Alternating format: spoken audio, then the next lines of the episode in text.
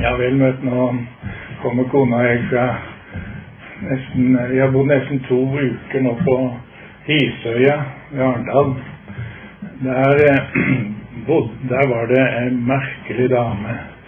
som døde for eh, over 40 år siden nå.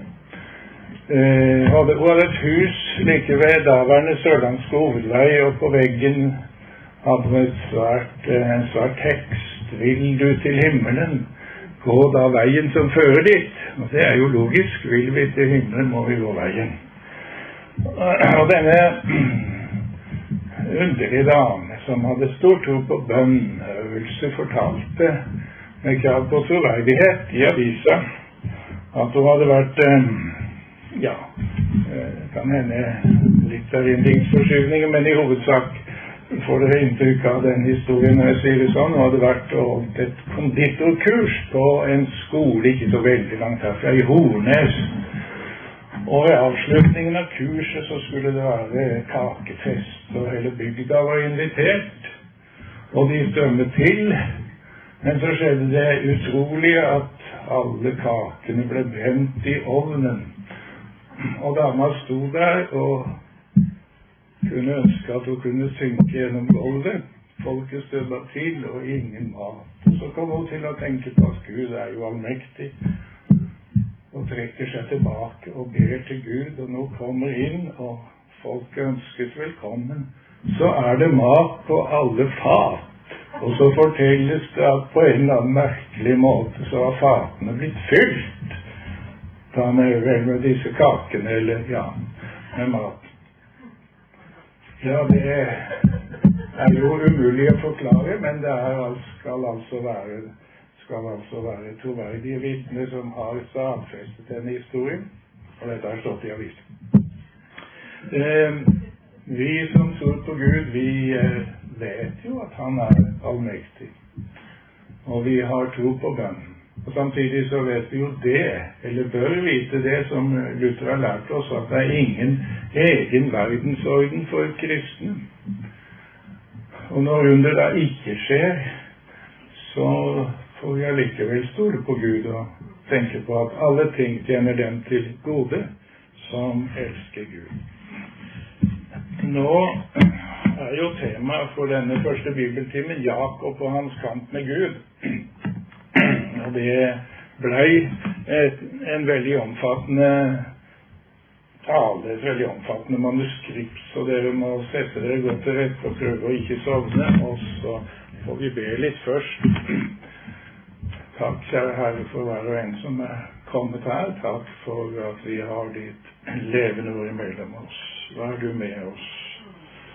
Vi ber deg om velsignelse og fornyelse, visdom og kraft og vilje til å gå din vei. I Jesu navn. Amen. Israel betyr en som kjemper med Gud. Isaks sønn Jakob fikk dette navnet ved Jabboks vadested, der han vant seier i kampen med Gud, idet Gud seira over ham. Israel ble også navnet på Jakobs ett gjennom hans tolv sønner. Dette folket var samtidig Herrens brud. Men det var et troløst folk som brøt pakten med Gud. Men Herren ga ikke opp sin frelsesplan. Det kom en ny Israel, og det er Messias. Israel folket Israel er ikke Messias, sjøl om det kan høres sånn ut på noen som uttaler seg nå for tida. Men Messias er Israel.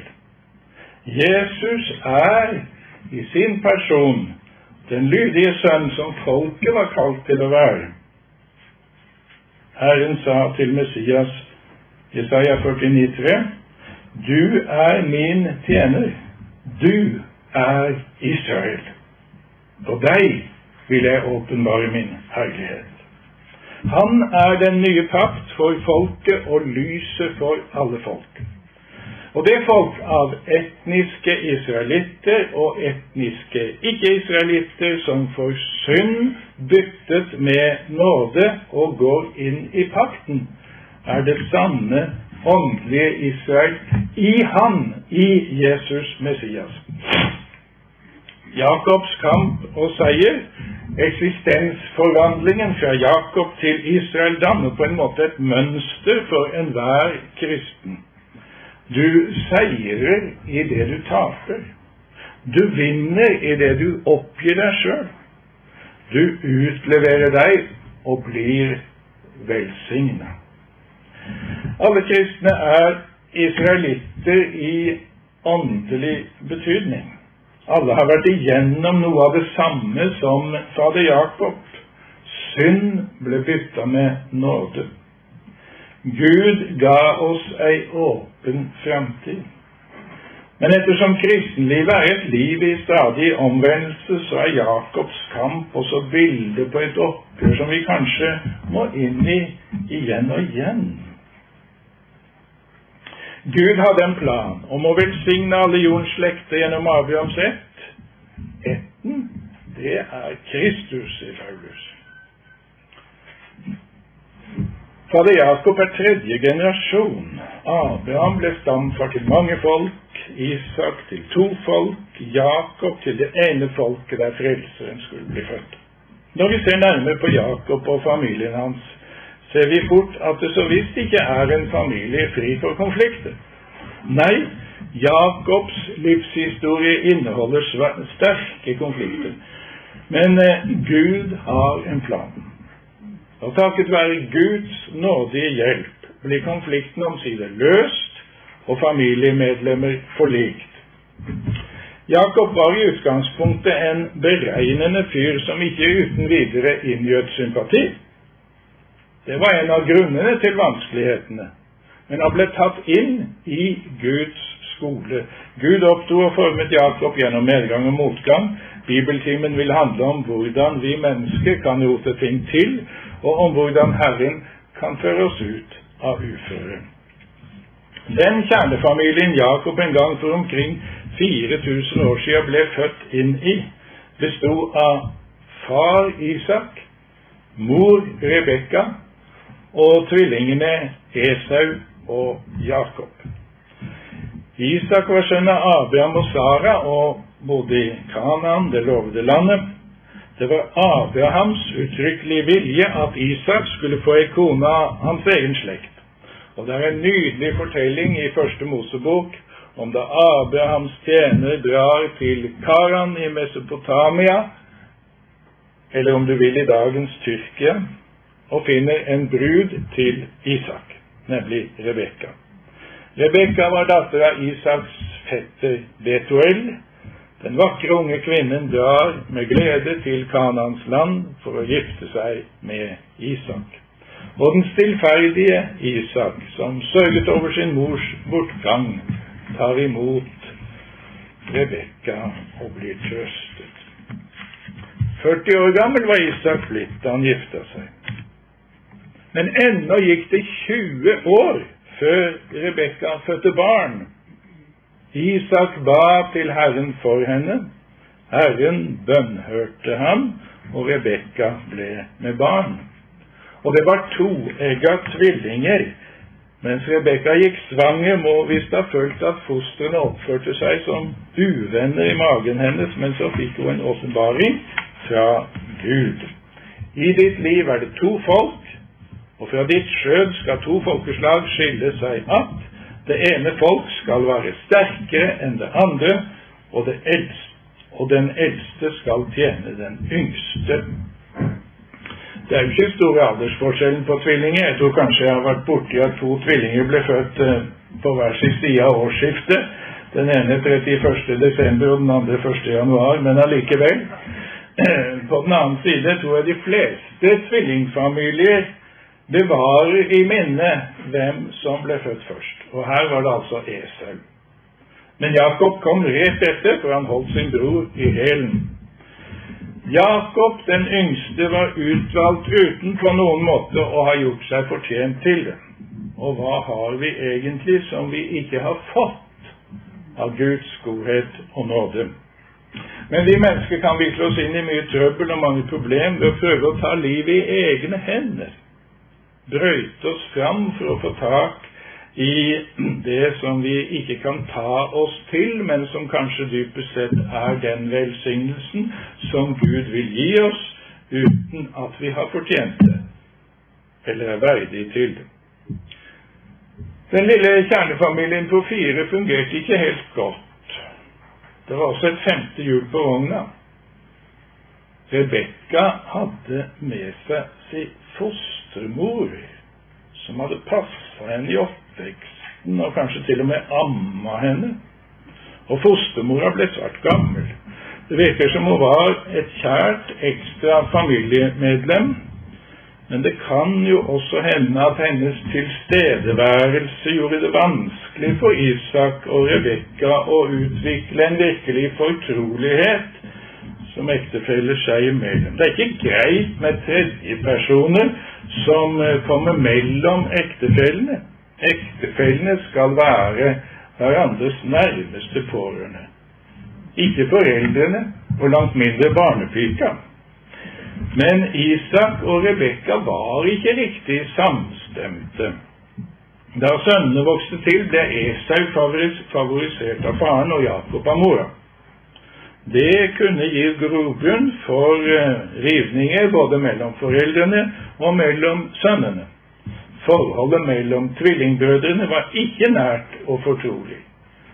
Jakob ligna nok i sinn både på sin mor og på onkel Laban. Han var fryktelig manipulerende. Vi ser det da han kjøpte førstefødselsretten. Førstefødselsretten var vel rett til en dobbel del av arven, slik det seinere er tale om i Moseloven. Så skulle Esau da ha to tredel av arven i stedet for en tredel. Men med en rett linsevelling lurte Jakob sin bror til å overdra førstefødselsretten i et svakt øyeblikk fikk han til og med til å stadfeste dette med en ed. Etterpå følte Esau seg lurt. Det var så den kime til fiendskap mellom de to brødrene. Det virker som de bodde hos foreldrene begge to til Esau gifta seg 40 år gammel. Isak, faren, var da blitt 100 år. Esaus valg av ektefeller var ikke lykkelig. Han tok to hetittiske kvinner til ekte. Disse fremmede svigerdøtrene som kom inn i Abrahams tett sammenvevde slekt, ble til hjertesorg for Isak og Rebekka. For å bøte på dette gifta Esau seg seinere også, i tillegg til med disse to, så gifta han seg også med sin kusine Mahalat, som var datter av Abrahams sønn Ismael gammel og blind, men ennå mange år før han døde. Han ble 180 år, så kalte Isak til seg Esau, som han ville velsigne før han døde. Vi kjenner nok historien om Jakob som lurte til seg velsignelsen i stedet. Faren favoriserte Esau, men Rebekka favoriserte Jakob. Lureriet foregikk så å si bak Esaus rygg.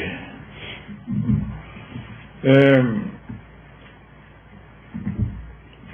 og bak Isaks, Isaks rygg. Isak er mistenksom, men blir forsikret med løgn og bedrag om at det er Esau han har for seg, når det i virkeligheten er Jakob. Bare Isak Sånn. Nå tar jeg historien over på linje. Ehm, Isak ble altså forsikret om at det er Esau, og han eh, velsignet han, husker vi. Da gikk forholdet mellom brødrene Esau og Jakob fullstendig i stykker. Esau næret et dødelig hat til Jakob. Bare faren var borte, skulle han slå Jakob i hjel. Slik utvikla det seg. Fordi Rebekka med list og løgn ville presse fram oppfyllelsen av Guds løfte i stedet for å vente i tro. På grunn av Esaus bitre reaksjon vil Rebekka sende yndlingssønnen til familien i Karan i håp om at Esau vil roe seg ned med tid og stunder. Og setter opp, så setter hun Isak på tanken om at Jakob der kan finne ei kone av sin egen slekt, og Jakob blir sendt av sted. Og dette blir jo lykkelig, men eh, det er en lang historie. Isak velsigner, velsigner Jakob igjen, ber om at løftene til Abraham må gå over på ham. Og det skjer også når Jakob overnatter i Betel. Teksten i Første Mosebok 28 om Jakobs drøm er et sentrum i Jakob-fortellingene i Første Mosebok. Vi leser der i vers fra vers 12. Jakob drømmer, og så står det og se en stige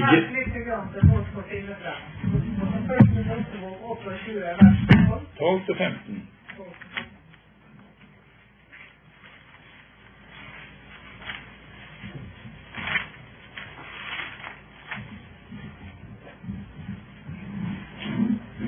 Da den en drøm, altså en stige, var stilt opp på jorden. Og toppen av den nådde til himmelen. Og se, Guds engler steg opp og steg ned på den. Og se, Herren sto øverst på den og sa, Jeg er Herren, din far Abrahams Gud og Isaks Gud. Det land som du nå ligger i, vil jeg gi deg og din ett. Og din ett skal bli som støvet på jorden, og du skal utbre deg mot vest og mot øst og mot nord og mot sør. Og i deg og i din ett skal alle jordens slekter velsignes. Og se, jeg er med deg og vil bevare deg hvor du så går, og jeg vil føre deg tilbake til dette landet. For jeg vil ikke forlate deg før jeg har gjort det jeg har sagt deg. Det som skjer, er karakteristisk for Gud. Han søker. Han tar initiativet. Intet annet var Jakob kommet til eh, stedet Lot og så fikk han den veldige åpenbaringen og ga byen navnet Bet-El, som betyr Guds hus. Herren kaller Jakob inn i det samme gudsforhold som Abraham og Isak hadde stått i. Løftene om land og ett går over på Jakob, som er utvalgt fra mors liv til å bære frelseshistorien videre mot menneskesønnen, han som i sin person er Guds hus Jesus, som er tempelet, Gudshuset, han som alle jordens slekter skal velsigne seg. På bakgrunn av det som eh, vi har hørt om eh, Esau og Jakob, kunne vi jo tenke at Gud ville refse Jakob og tale hardt til ham. Så skjer det motsatte. Her blir evangeliet forkynt før loven får gjøre sin gjerning. Men det er slik at først lov og evangelium sammen fører et menneske til omvendelse. Derfor får Jakob oppleve Guds godhet. Legg merke til to ting. Jakob har tiltvunget seg Isaks velsignelse. Men han kunne ikke tiltvinge seg Guds velsignelse. En fortolker sier Guds utvelgelse er en fri og ubundet handling som bare har sin grunn i Guds vilje og råd. Esau kan ikke fange den inn ved hjelp av sin forrett som den eldste, og Jakob kan ikke lure den til seg ved sin list. Og Legg for det andre merke til dette. Gud går med den som legger handa si i Guds hand. Slik som Herren blir framstilt i fedrehistorien i første Mosebok, er han blitt kalt den Gud som går med. Han vil også gå med oss. Vi skal få vandre med Han. Troens folk vet å kalle Jesus Immanuel.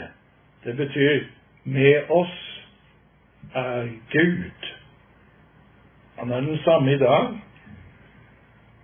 Da kan det bli råd med alt. Jakobs konflikt med Esau var ikke løst. Den er en tung bagasje som Jakob har med seg til Karan, og der venter to nye konflikter. Konflikten med Laban, og etter hvert også med Labans sønner. Og konflikten mellom Jakobs to koner, Lea og Rakel. Jeg trenger kanskje ikke si så mye om den siste. Moseloven aksepterte nok at en mann hadde to koner, men ikke to søstre, som Jakob hadde. Du skal ikke ta din kones søster til ekte mens din kone lever, så du vekker fiendskap mellom dem. Jeg har omgang, omgang med dem begge, står det i tredje Mosebok 18. Men dette var før Moseloven, og det var Laban som lurte Jakob opp i dobbeltekteskapet. Laban var Jakobs morbror, bror til Rebekka, men han var også hans tremenning på farssida. Eh, de var nok ikke så ulike, de to. Laban var en manipulerende kar som prøvde å utnytte Jakob. Labans vakre datter Rakel tar en handlekraftig Jakob med storm. Eh, Laban tar overstrømmen imot sin potensielle svigersønn, og snart er giftermål avtalt, og brudeprisen også. Sju års tjeneste hos den vordende svigerfar. Så tjente Jakob i sju år for Rakel. Og disse år syntes han var noen få dager fordi han hadde henne kjær, står det i Første Mosebok 29, 20. Men vi husker vel at Laban da lurte sin eldste datter på Lea på Jakob. Da det lysna av dag etter bryllupsnatta, ja, så var det Lea han hadde fått. Luringen var blitt grundig lurt. Da bryllupsuka var over, fikk han riktignok også Rakel, men da måtte han tjene Laban i en ny sjuårsperiode. Gud var med Jakob, og arbeidet med Labans budskap ble en stor suksess. Men Laban prøvde også å utnytte Jakobs dyktighet og arbeidskraft enda seks år, for lite eller ingenting, men så gikk det annerledes. Jakobs lønn ble stor i form av egen budskap og tjenestefolk. Gud velsignet Jakob, og han ble rik. Laban trakk det korteste strået. Når eh, han sa, altså når Laban sa til Jakob det flekkete skal være din lønn, da fikk alt småfe flekkete unger, og når han sa det stripete skal være din lønn, da fikk alt småfe stripete unger. Første Mosebok 31, 8. Det kunne en jo ikke tenke etter menneskelig beregning. Akkurat som en heller ikke kunne tenke at de fatene på skolen oppe i Hornes skulle bli fylt med mat. Eh, men Gud lot altså uventede ting skje. Men så begynte Jakobs, nei, Labans sønner, skulle si, Labans sønner og murre, de var jo arvinger. Og Jakob så på Labans ansikt at han ikke var den samme mot ham som før, står det i 31.2. I den situasjonen er det Jakob som hadde kommet så forventningsfullt til Karan 20 år tidligere og var blitt tatt så overstrømmende imot, flykter av sted med hele sitt følge han hadde nær nådd tilbake til Kanan da svigerfaren Laban med sitt følge innhenter dem sju dagsreiser unna. Herren advarte Laban mot å hevne dette ukonvensjonelle og opprivende oppbruddet, og det endte med at Laban og Jakob inngikk en fredspakt med hverandre. Det var Laban som tok initiativet. Han var også rørt av kjærlighet til døtrene og barnebarna. De var knytta til hverandre med blodets bånd. Barn og barnebarn bandt Laban og Jakob sammen. Svigerfar og svigersønn måtte aldri komme til hverandre med ondt i sinne. Dagen etter sto Laban tidlig opp, og før han dro hjem, kysset han barn og barnebarn og velsignet dem. Konflikten var over.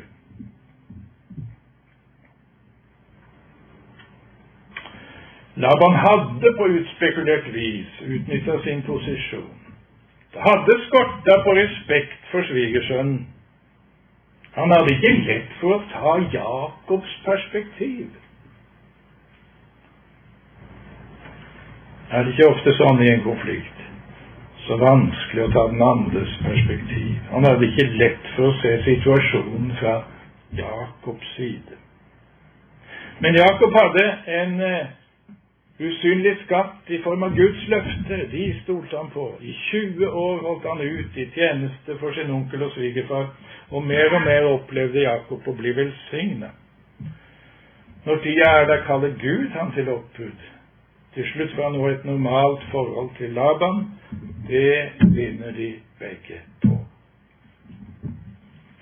20 år har Jakob vært i Karan.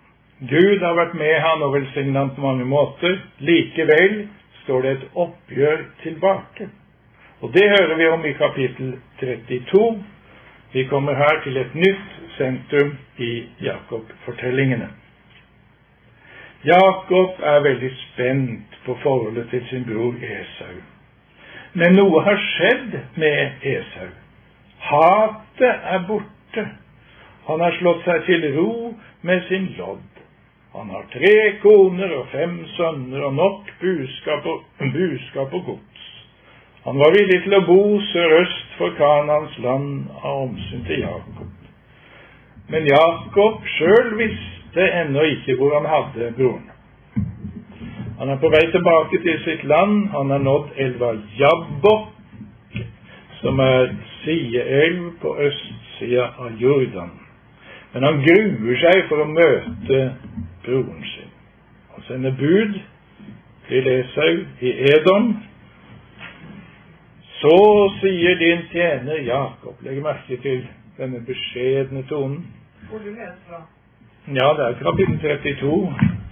Eh, dere kan følge med fra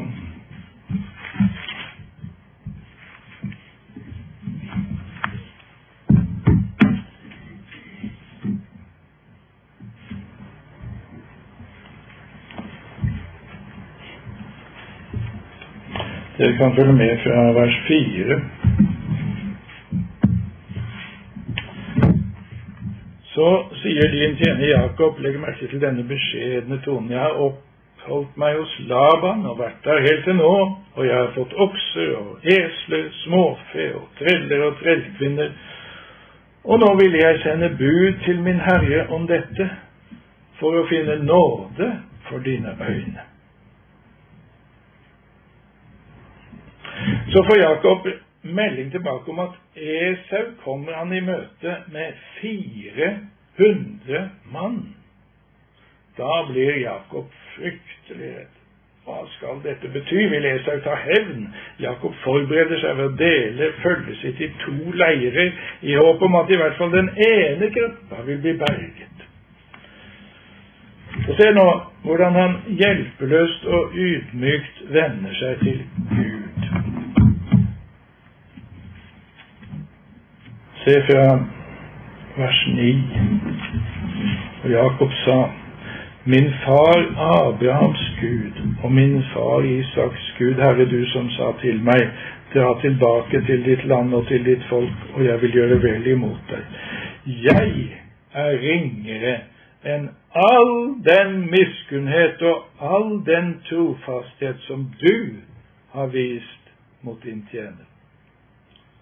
Og med min stav gikk jeg over Jordan her, og nå er jeg blitt til to leirer. Her møter vi en ydmykhet og en sjølerkjennelse som vi ikke har sett hos Jakob tidligere. Og så griper han fast i Guds løftesord. så kommer bønnen for den situasjonen han var oppe i. Fri meg ut av Esaus, min brors hånd, for jeg er redd han skal komme og slå i hjel meg og mine, både mor og barn. Du har jo selv sagt, sier Jakob, og klynger seg til Guds løfte. Jeg vil alltid gjøre vel mot deg, og la din ett bli som havets sand, som ikke kan telles for mengde.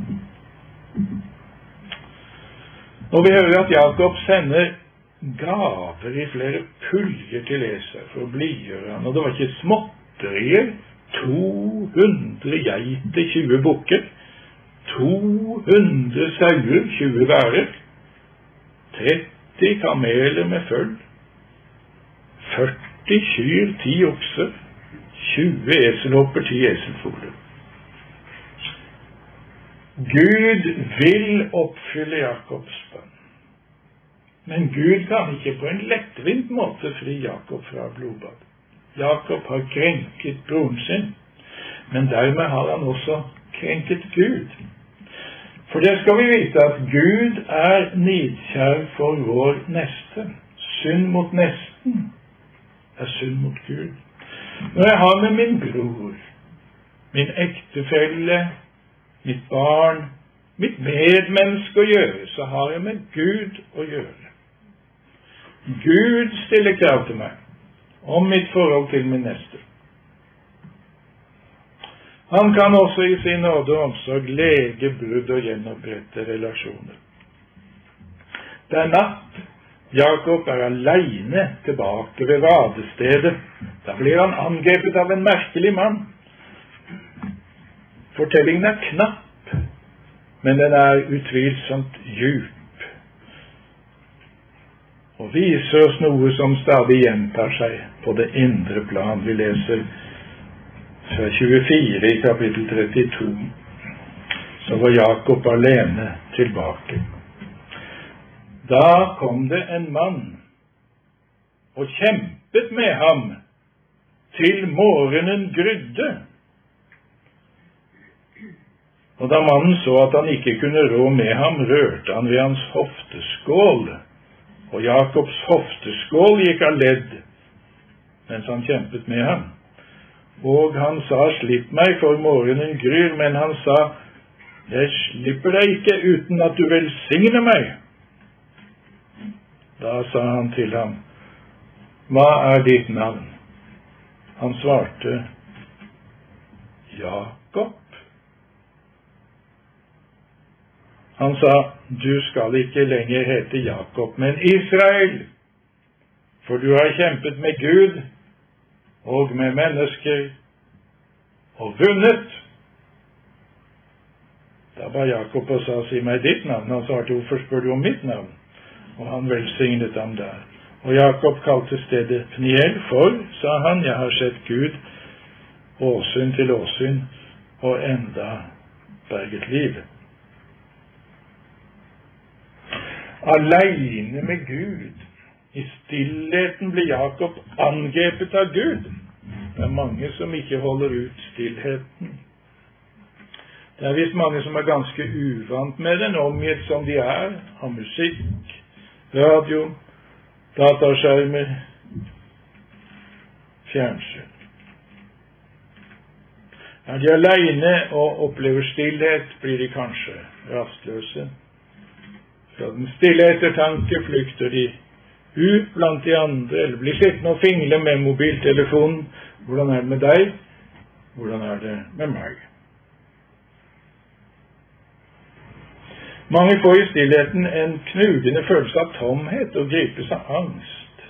Men slike opplevelser er jo ikke særlig behagelig, så angst og følelse av tomhet vil en helst holde seg unna. Folk er på flukt fra angst og ensomhet. Folk røyker og drikker og spiser tabletter Går ut på byen, ser på fotball og er på Facebook og Instagram og reiser og reiser og reiser, eller drukner seg i jobbing, men rastløsheten forsvinner ikke av det. Gud kom til Jakob i ensomheten, men det er kanskje det mange mennesker, kanskje det er det mange mennesker frykter aller mest at Gud skal komme til dem. For de vet at hvis Gud kommer, da blir det krise i livet. Da ryster fundamentene i livsbygningen. Og det er ofte ikke enkelt for Gud å få stansa opp et menneske. Gud har mye han vil tale med oss om. Men hvor mange er det som har et lyttende øre og et åpent sinn og hjerte? Mange ganger ser det ut som om Gud må bruke harde midler for å stanse flakkende mennesker opp. Men han vil jo at vi skal være hos han og sammen med han uten at han må bruke harde midler. Er vi villige? Er du og jeg villige til å gå inn i stillheten hos Gud? Er jeg villig til å være aleine med Han, slik at vi får tale ut med hverandre, Gud og jeg? I ensomheten ble Jakob angrepet av en merkelig mann. Jakob er nok sterk. Vi hører at den andre har vanskeligheter med ham. Kampen trekker i langdrag. Så lenge det er natt, kjemper de. Mannen så at han ikke kunne rå med Jakob, står det. Han må tilføye Jakob en skade. Han rørte ved hofteskålen, så den gikk av ledd. Det var altså en halvt Jakob som gikk ut av den kampen, men ennå virket kvegkampen resultatløs. Mannen sier til og med 'slipp meg, for morgenen gryr'. Men det vil ikke Jakob gjøre. Aner Jakob hvem denne mannen er? Han sier jo 'jeg slipper deg ikke uten at du velsigner meg'. Er det ikke typisk? Har ikke vi så lett for å tenke sånn om Gud og Hans velsignelse. At Gud liksom er påholdende og nødig vil velsigne oss. Men det er ikke sånn det henger sammen. Nei. Og nå går Gud rett på sak og spør Hva er ditt navn? Og så ligger det veldig mye i det spørsmålet. En gang hadde Jakob gitt seg ut for å være Esau, kanskje det spiller inn her. Og navnet symboliserer personen som bærer det, skjønner du. Jakob må ut med hvem han er. Hva heter du, hva er ditt navn, hvem er du? Jakob. Jakob. I Jakobs liv var det så mye som skulle være ugjort. Jakob var navnet på opportunisten og luringen. Jakob var navnet på ham som holdt sin bror i hælen. Holdt han tilbake, hindret han, overlistet han.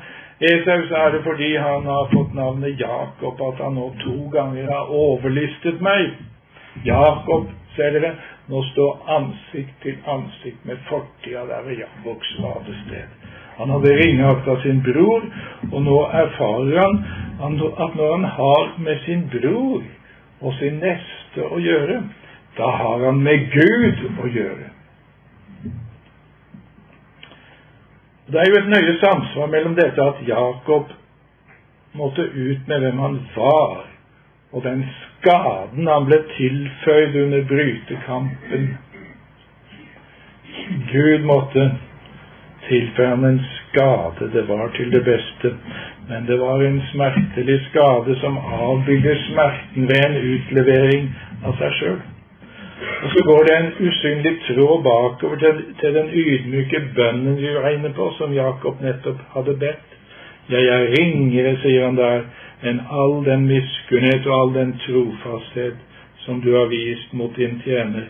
Denne bønnen viste en begynnende sjølerkjennelse, vi var inne på det, men Jakob måtte lenger inn i ydmykelsen, og kampen er nok en begynnelse på oppfyllelsen av Jakobs bønn i vers 11. Fri meg ut av Esaus, min brors hånd, for jeg er redd han skal komme og slå i hjel meg og mine, både mor og barn. Gud vil oppfylle Jakobs bønn, men han kan ikke på en lettvint måte fri Jakob fra blodbad. Jakob kunne ikke komme unna oppgjøret med broren sin, men enda viktigere, han kunne ikke komme unna han kunne ikke komme unna oppgjøret med Gud. Jabbok's vadested betegner et vendepunkt i Jakobs liv. Det kan være at du eller også blir angrepet av Gud, som om han vil ta livet av oss. Og han vil døde vår syndige natur. Han vil døde din og min syndige natur når han kommer gjennom lovens strenge tale, og vi kjenner på skyld og skam. Når Guds ord kan synes å bekrefte både Satans anklage og hjertets dom. Jakob fikk se hvem han sjøl var. Smertelig klar over sin synd satte han sitt håp til Gud. Herren velsignet han og viste sin miskunn på nytt. Du skal ikke lenger hete Jakob, men Israel, for du har kjempet med Gud og med mennesker og vunnet. Det er et evangelium, altså et glad budskap. Fortida som Jakob-navnet sto for, skal være strøket ut. Gud gir Jakob ei åpen framtid. Jakob skal hete Israel, dvs. Si han som kjemper med Gud. Og det sikter vel til noe som framfor alt har foregått på det indre planet. Jakob har kjempa med Gud og med mennesker og vunnet. Han vant i det han ble ydmyket, i det han fikk se inn i seg sjøl, utleverte seg sjøl og satte sitt håp til Gud. Han vant i det han tapte. Han vant seier i kampen med Gud idet Gud seira over ham. Så fikk han Guds velsignelse, og det var for å velsigne at Gud var kommet til ham. Kapittel 32 betegner et vendepunkt i Jakobs liv.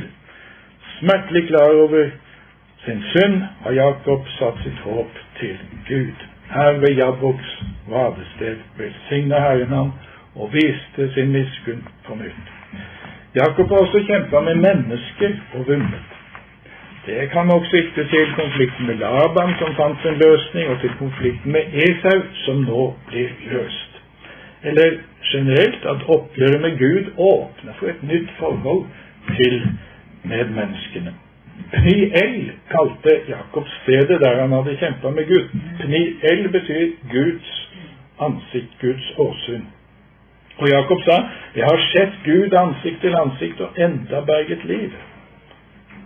Tenk, her er det en som har sett Gud ansikt til ansikt.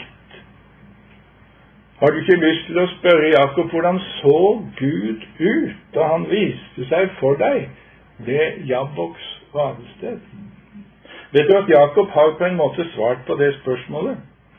Da han kort etter møtte Esau, som vi leser om i kapittel 33, fikk han erfare at forholdet til broren var blitt et nytt.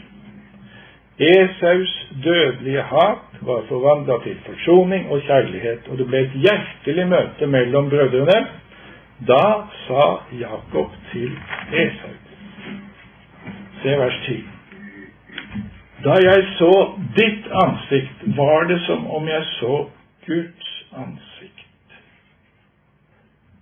Siden du var så vennlig mot meg. Tenk, det sa en mann som like før hadde sett Gud åsyn til åsyn. Esaus milde ansikt minnet Jakob om Guds milde ansikt. Gud har nok fått arbeide med begge brødrene. Og vi har kanskje like mye å lære av Esau som av Jakob. Den selvhevdende og hensynsløse Jakob er ydmyket. Han har fått møte Gud som tilgivelsens Gud, som frelsens Gud. Den bitre Esau har heva seg over krenkelsen og klart å tilgi. Kanskje har han lært noe av sin svigerfar Ismael om å bøye seg for Guds utvelgelse og finne sin egen plass under Guds velsignelse. Jakob hadde fått møte Gud som tilgivelsens Gud, som frelsens Gud, sa jeg. Det var jo noe ypperstepresten ba om for folket når han velsignet Israels barn. Herren la sitt ansikt lyse over deg og være deg nådig, løfte sitt åsyn på deg og gi deg fred. Herren velsigne deg og bevare deg. Og Paulus skriver i 2. Korinterbrev 3,18 Vi som med utildekket åsyn skuer Herrens herlighet som i et speil, vi blir alle forvandlet til det samme bildet fra herlighet til herlighet, som er Herrens ånd. 2. Kor 3,18. Jakob er stamfar til gudsfolket. Alle kristne er israelitter i åndelig betydning. Alle har vært igjennom noe av det samme som fader Jakob. Synd ble bytta med nåde. Gud ga oss ei åpen framtid. Men ettersom kristenlivet er et liv i stadig omvendelse, er Jakobs kamp også bildet på et oppgjør som vi kanskje må inn i igjen og igjen. Vi er nok ikke ferdig med Jabbok-kampen en gang for alle. Vi er nok ikke det. Kanskje trenger vi stadig på nytt å kjempe en kamp i bønn for at Guds vilje skal skje i våre liv på bestemte områder. Mange går på akkord med sin overbevisning, men vil gjerne gjelde for kristne. Det går an å ha navn av å leve, men være død, som Johannes' åpenbaring taler om i kapittel 2. Det går an å tro at en har overflod, mens en i virkeligheten er ussel og ynkelig og fattig og blind og naken, som det samme skriftet sier. Dette er ransakende for oss. Det er visstnok mange som lever i konflikt med troen, men vil innbille seg sjøl og andre at det står bra til. En vil gjerne gjelde for en kristen i egne og kristne menneskers øyne, ja, i Guds øyne også. Men hvor er gleden, hvor er kjærligheten som gjør oppfinnsom, hvor er åndskraften? Profeten Hosea, som virket i ei forfallstid som eh, ligner vår tid, minnet folket om stamfaren Jakob. Det ser i Hosea 12. I vers 4 og 5 står det i mors liv holdt han sin bror i hælen, og i sin manndomskraft kjempet han med Gud. Han kjempet med engelen og vant. Han gråt og ba ham om nåde. Slik måtte også Jakobs falne ett vende om. I vers 7 står det Og du til din Gud skal du vende om. Hold fast ved miskunnhet og rett, og bli stadig, vent stadig på din Gud. Vi har talt om å være aleine med Gud. Men en er jo ikke helt aleine. Sjelefienden er der også. Men det er en kamp hvor det enkelte mennesket står aleine overfor Gud. De hellige samfunn er viktige. Vi må ha vår plass der Guds ord forkynnes. Noen av våre helligste stunder må være når vi sammen med andre forsamles om Herrens nattverd. Men vi trenger òg de stille stunder aleine med Gud, der Gud og du kan tale ut med hverandre, og du seirer i ditt kristenliv fordi du utleverer deg sjøl og oppgi deg sjøl